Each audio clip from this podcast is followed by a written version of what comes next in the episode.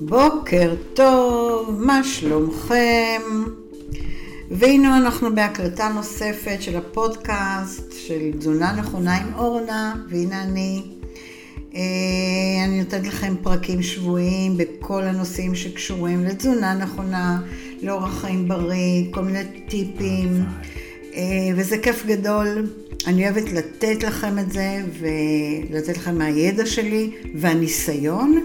ואני אוהבת לשמוע את התגובות שלכם, כי באמת, אני מקבלת תגובות נהדרות, ואני מבינה שכולם רוצים לשמוע עוד, ואני מוצאת נושאים, ותשלחו לי, תשלחו לי על איזה נושאים אתם רוצים שאני אדבר, ואני אדבר. אז uh, הפעם אני הולכת לדבר על כל הנושא של גלוטן, uh, כי זה הפך לאיזשהו טרנד, ובואו נעשה סדר איך אנחנו מתחברים לכל הנושא של גלוטן. כן מתאים לנו או לא מתאים לנו. אז בואו נתחיל. אה, אנחנו חיים בתקופה של טרנדים, מה שנקרא.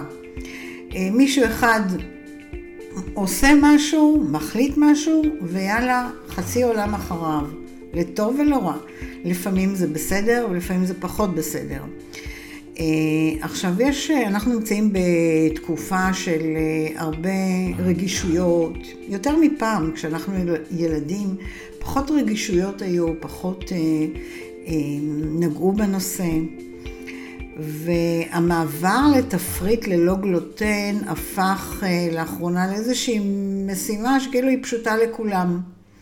עכשיו, לא לאכול גלוטן זה לא משהו שמיועד לכל העולם, אלא זה מיועד לאנשים שיש להם רגישות לגלוטן, אי סבילות לגלוטן, אה, ספיקה של גלוטן, אה, אלרגיה לגלוטן, ולכן זה לא מדובר על כולנו. המוצרים ללא גלוטן, מי, בואו ניקח מלחם ועד בירה אפילו. הם הלוא ממלאים את המדפים של החנויות, והצרכנים היום באים בדרישות של עוד ועוד, רוצים דברים ללא גלוטן. למעשה, אה, הגודל של השוק אה, ללא גלוטן, כן, אה, צפוי להגיע לממדים ממש ממש גדולים עד, הצפי הוא עד 2027, משהו כזה. שכמעט אה, נראה את רוב המדפים בסופרים וכל המקומות אה, עם הרבה מוצרים ללא גלוטן. ושוב נשאלת השאלה, האם זה נכון? עבור הסובלים מאי סבילות או רגישות אה, לגלוטן, החלבון שנמצא בחיטה, כן, בשיפון ובשעורה, המוצרים האלה הם באמת בואו נאמר בגדר של אה, צריך להיות שם איזושהי זירוז, סימן שאלה. עכשיו, אה, ובאמת, אה, בואו נאמר שאנשים שלא צריכים, המוצרים האלה נצרכים גם על ידי מי שלא סובל מרגישות, גם על ידי מי שלא בעצם אלרגי, אוקיי? ואנשים בוחרים את המוצרים ללא גלוטן כי זה סוג של אסטרטגיה שכאילו התחילה לציין את הנושא של הפחתת משקל. אם אני אוכל ללא גלוטן, אני ארד במשקל. אני בטוחה שאתם מכירים את זה. אה, ולפה אני באה ואני אומרת, היי, הלו, תיזהרו, זה לא מיועד בשבילכם. גלוטן, כן אנחנו צריכים בגוף שלנו, במינון זה או אחר, אבל להיפרד ממנו לגמרי, למה? אלוהים חנן אתכם ונתן לכם בריאות. ואתם לא רגישים ואתם לא סובלים, אז למה שתורידו מוצר כל כך חשוב מהגוף שלכם? Uh, עכשיו, ללא גלוטן, זה לא בהכרח אומר שזה בעצם משהו שהוא דל קלורי, או שזה בריא יותר. אתם יודעים מה? אפילו נהפוך הוא. לכן, לפני שאתם ממהרים לקפוץ על העגלה, שאני אתחיל עכשיו לאכול ללא גלוטן, אני אשתף אתכם בכמה נתונים שהם מאוד מאוד חשובים. קודם כל בואו נדבר מה זה גלוטן בכלל, כן? במילים פשוטות, הגלוטן זה בעצם חלבון שנמצא בעיקר בחיטה. בחיטה, בשיפון ובשעורה. עכשיו, כשאנחנו אוכלים לחם מחיטה או שעורה, הגלוטן מספק לגוף שלנו חלבון שניתן להשתמש בו או לבנייה ותיקון של רקמות שריר, או ליצור איזה שהם חלבונים אה, נוספים שהם אה, דוגמה, הם כמו הורמונים, כמו אנזימים, אוקיי? שעושים איזושהי פעולה בגוף. עכשיו, החלבון של הגלוטן בעצם מספק את התפיחה למאפים. מה שאנחנו רגילים, ו, וניתן לבודד, לבודד אותו, אוקיי? מכל הדגנים, ואז יוצרים תחליפים צמחוניים, אה, כמו סייטן, בשר חיטה, אה, כל הדברים שאנחנו רגילים לראות בסופר, שזה דומה לחלבונים. לחלבונים אחרים שהמקור שלהם בעצם בדגנים. גלוטן מספק אה, גם חומצות אמינו, אמינו חיוניות ביותר, אבל לא את כולם. עכשיו, חומצות אמינו חיוניות הם אלה שהגוף שלנו לא מייצר מעצמו. ולכן בעצם אה, הן צריכות להגיע מהמזון שאנחנו אוכלים. ועל זה אני מדברת כל הזמן. לכן מי שמשתמש בסייטן כתחליף בשר, מומלץ לו לכלול בתזונה גם חלבונים צמחוניים נוספים, כמו, אתם יודעים, שועית, עדשים, קטניות למיניהם, כדי לספק בעצם לגוף את כל אבני הבניין של חומצות האמינו. עכשיו באמת השאלה נשאלת האם תפריט ללא גלוטן באמת יכול להפחית, לעזור לנו להפחית במשקל. אני בטוחה שנתקלתם אנשים שאמרו לכם, היי, אני התחלתי ללא גלוטן עכשיו, ירדתי ככה וככה. אל תתלהבו, אוקיי? אה, אנשים רבים מרגישים שהם לא יכולים לעכל את הגלוטן כי הם מרגישים באמת נפוחים וסובלים לפעמים מגזים אה, כשהם אוכלים את הדגנים. ומשום שהם מרגישים פחות נפוחים, כשהם מפסיקים לאכול את המזון הזה שעשיר בגלוטן, הם מציינים שלעיתים קרובות הם מפחיתים במשקל. זאת אומרת, הם יורדים בנפיחות, אבל הם החליטו שהם יורדים במשקל. וכשהם מפסיקים לאכול את הגלוטן, מה שעשוי להסביר כאילו חלקית את ההתלהבות, אה, האחרונה מהמוצרים של הלא גלוטן זה בעצם כל ההתלהבות מירידה בנפיחות. אנחנו יכולים להוריד את הנפיחות בהמון דברים, דרכים אחרות, לאו דווקא בלהוריד את הגלוטן. עכשיו, מאחר והגלוטן מסתתר לא רק במאכלי דגנים, אלא משמש, אה, בואו נאמר, כמייצא ומעבה במאכלים מעובדים, אה, לדוגמה ברוטבים כאלה של סלטים, ב... לפעמים ביוגורטים קפואים, בנקניקים מעובדים, אתם יכולים למצוא גלוטן. אה, זה יכול להיות שם שאנשים פשוט לא מרגישים טוב כשהם עוברים לתפריט ללא גלוטן. אבל אם הם סובלים באמת מהאי סבילות, או אחרי הכל הם כנראה הורידו מהתפריט מזון מהיר ומזונות מעובדים, אה, במיוחד, ואולי הם החליפו מזון המילני בפירות וירקות והכל, וזה מה שעשוי בעצם לשפר להם את העיכול ולסייע להם בירידה במשקל. אז שוב, זה, זה איזה סוג של הטעיה, בעצם הם הורידו א' והתחילו לאכול ב' ומרגישים יותר טוב, וזה לא קשור לגלוטן, אוקיי? אני בכוונה נותנת לכם אה, את הנקודות האלה כדי שתבינו שכן יש פה איזושהי טעות בציבור. אה, עכשיו, שפע של מוצרים ללא גלוטן מזכיר לנו את הנהירה אה, אחרי מוצרים דלי פחמימות, שהציפו את החנויות עם שיגעון דיאטת אתקינס, אם אתם זוכרים. וכשדיאטת הפחמימות הפכה פופולרית לראשונה, אני חושבת, כבר לפני יותר זה 40 שנה, התפריט כלל בעיקר חלבון ושומן. עכשיו זה מספר מוגבל מאוד של פירות וירקות ולא הרבה יותר מכך, ואנשים קיבלו תוצאות. אבל לאו דווקא בגלל שהם עשו משהו טוב שהם הורידו את הפחמימות, בגלל שהם עשו איזשהו שינוי, והוא היה אה, קצת דל קלורי, אבל זה לא אומר שזה מה שעשה טוב לגוף שלהם. כאילו, כי שמירה על הקצאת פחמימות יומית הייתה, אה, זה פשוט, כן? הגוף שלנו כן צריך פחמימות, אנחנו לא יכולים לעשות משהו דרסטי כל כך.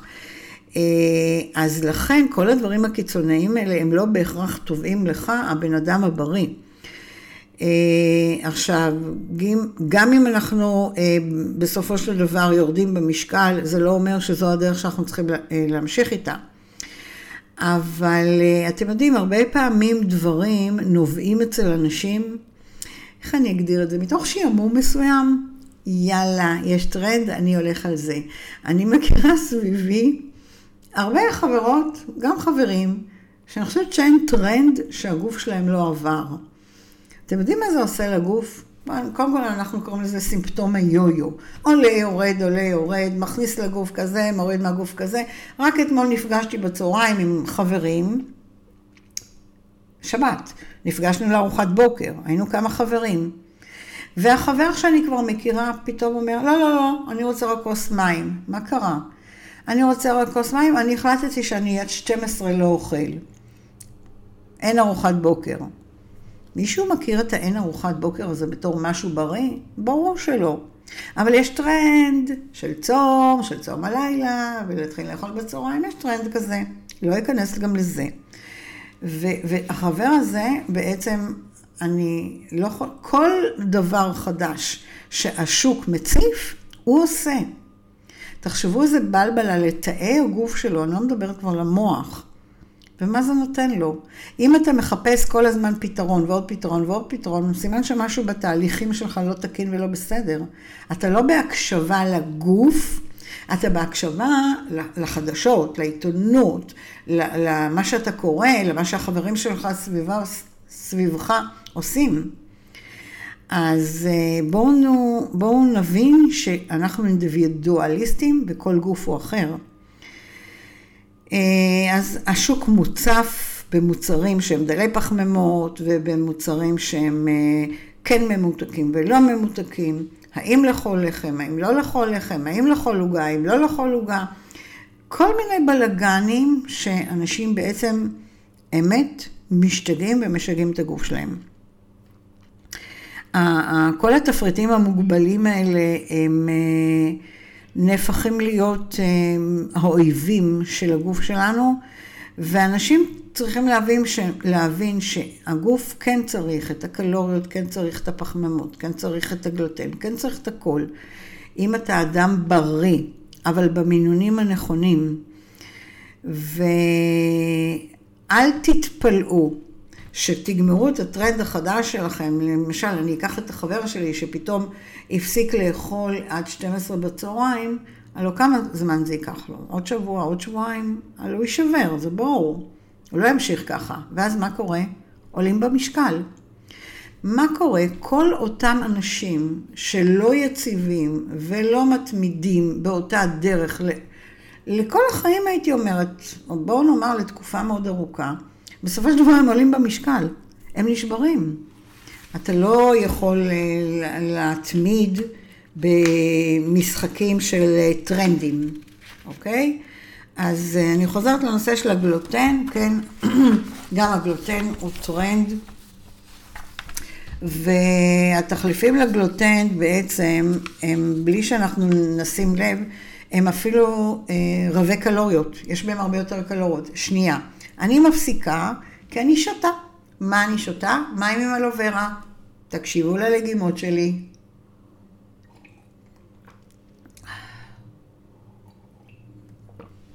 אהה, טעים בטירוף. טוב, אני ממשיכה.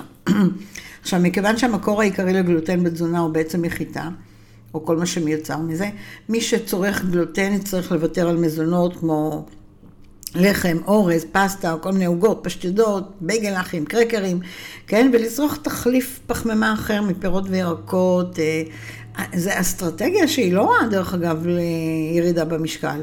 אבל לא, בואו לא נתבלבל, אם עכשיו נתחיל לאכול הרבה הרבה פירות, גם שם יש סוכרים ויש כל מיני דברים שהם לא נכונים לגוף שלנו, כשזה לא במידה הנכונה. אבל בדיוק אה, כמו שיצרני המזון בעצם ביקשו לספק את הביקוש למאכלים דלי פחמימות, נראה שהם עכשיו עשויים אה, לעבור למזונות ללא גלוטן כהרף עין ובכמויות גדולות. עכשיו, על המדפים, על המוצרים, תוכלו למצוא היום מוצרים, הרבה מוצרים ללא גלוטן, ביניהם כל הדגנים של הבוקר, בראוניזם, גרנולות, עוגות, עוגיות, ואפילו פיצה אתם יכולים למצוא ללא גלוטן. אמ, וזה תודות לכל התחליפים של קמח, קמח אורז, עמילן תירס, עמילן תפוחי אדמה, כל מיני דברים שאני לא בטוחה שהגוף בעצם אוהב אותם. אבל המילן הוא המילן, כן? כך שההתחמקות מגלוטן היא לא בהכרח תחסוך לכם קלוריות. לכן חשוב לשים לב לכל הערכים התזונתיים שבעצם מופיעים על האריזה. כי פתאום אתם מתחילים לאכול דברים ללא גלוטן, אבל כל מיני דברים שבעצם לא נותנים לגוף כלום, ויכולים אולי להזיק הרבה יותר מגלוטן. שוב, אני מדברת על כל מי שנסחף לטרנד, ולא כל מי שאסור לו לאכול גלוטן. מי שאסור לו לאכול גלוטן זה שיח אחר לגמרי. אה, למשל, תשוו בין תוויות של תערובת ללא גלוטן להכנת בראוניז, לתערובת רגילה להכנת עוגה ובראוניז, ולמה אני מתכוונת. אותה מנה, אותו ערך קלורי, רק בשבוע שעבר, כאילו מצאתי אה, במאפייה איזה שהם מאפנס ללא גלוטן, והיה שם 20 גרם שומן ו-450 קלוריות, כל אחד. הם כמעט לא מתאימים למזון דל קלוריות, אוקיי? אז אם אתם שמים לב רק לצריכה של הגלוטן ולא לצריכה של הקלוריות ושאר הדברים שם, זה עלול בעצם לבלבל אתכם. והרבה פעמים התפריט אה, עשיר במזונות ללא גלוטן, הוא בעצם אמור לפגוע ביעדים שלכם בנושא של הפחתת המשקל.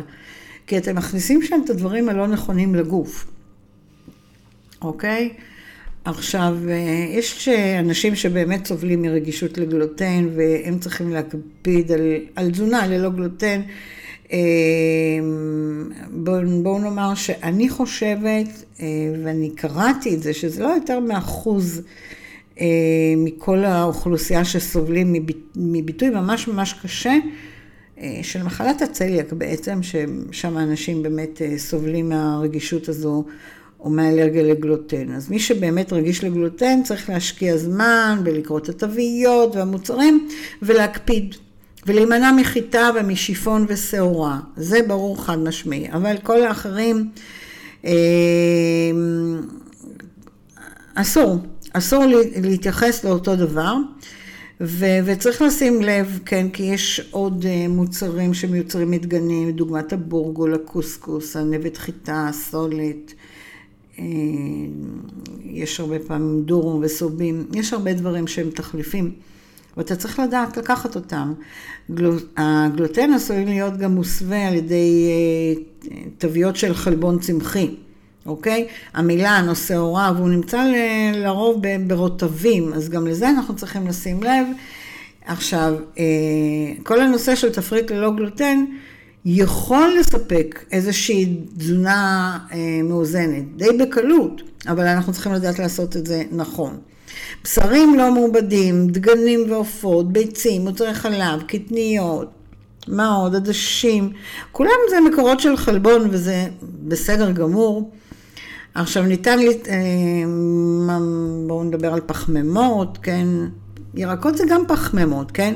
אז אפשר באמת לצרוך יותר ירקות ופירות ודגנים ללא גלוטן.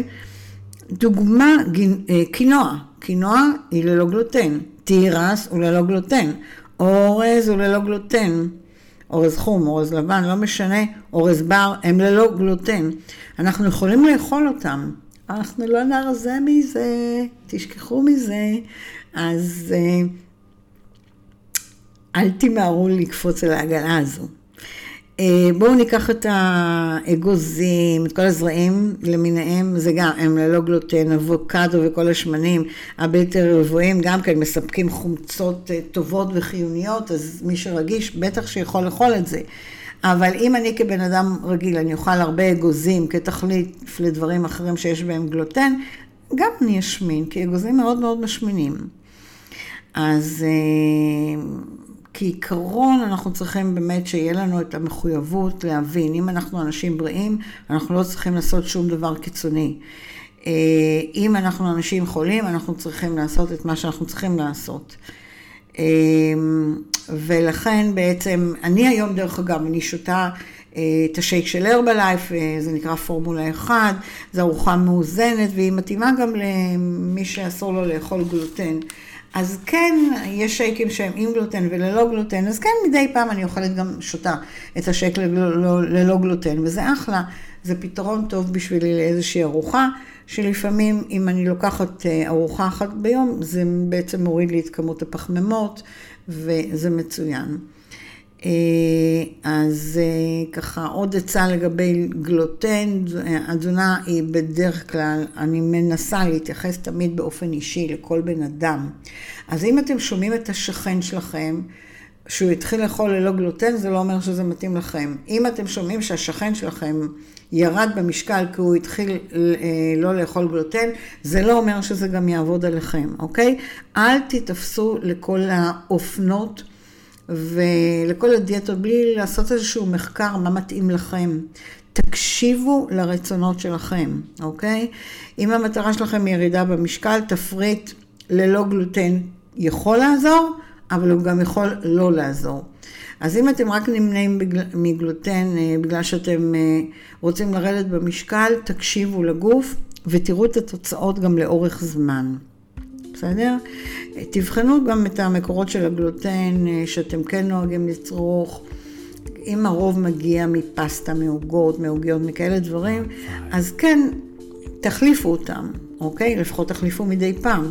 תפחיתו את הכמויות. שזה בעצם האסטרטגיה הכי הגיונית. לאכול מהכל, רק להקטין את הכמויות.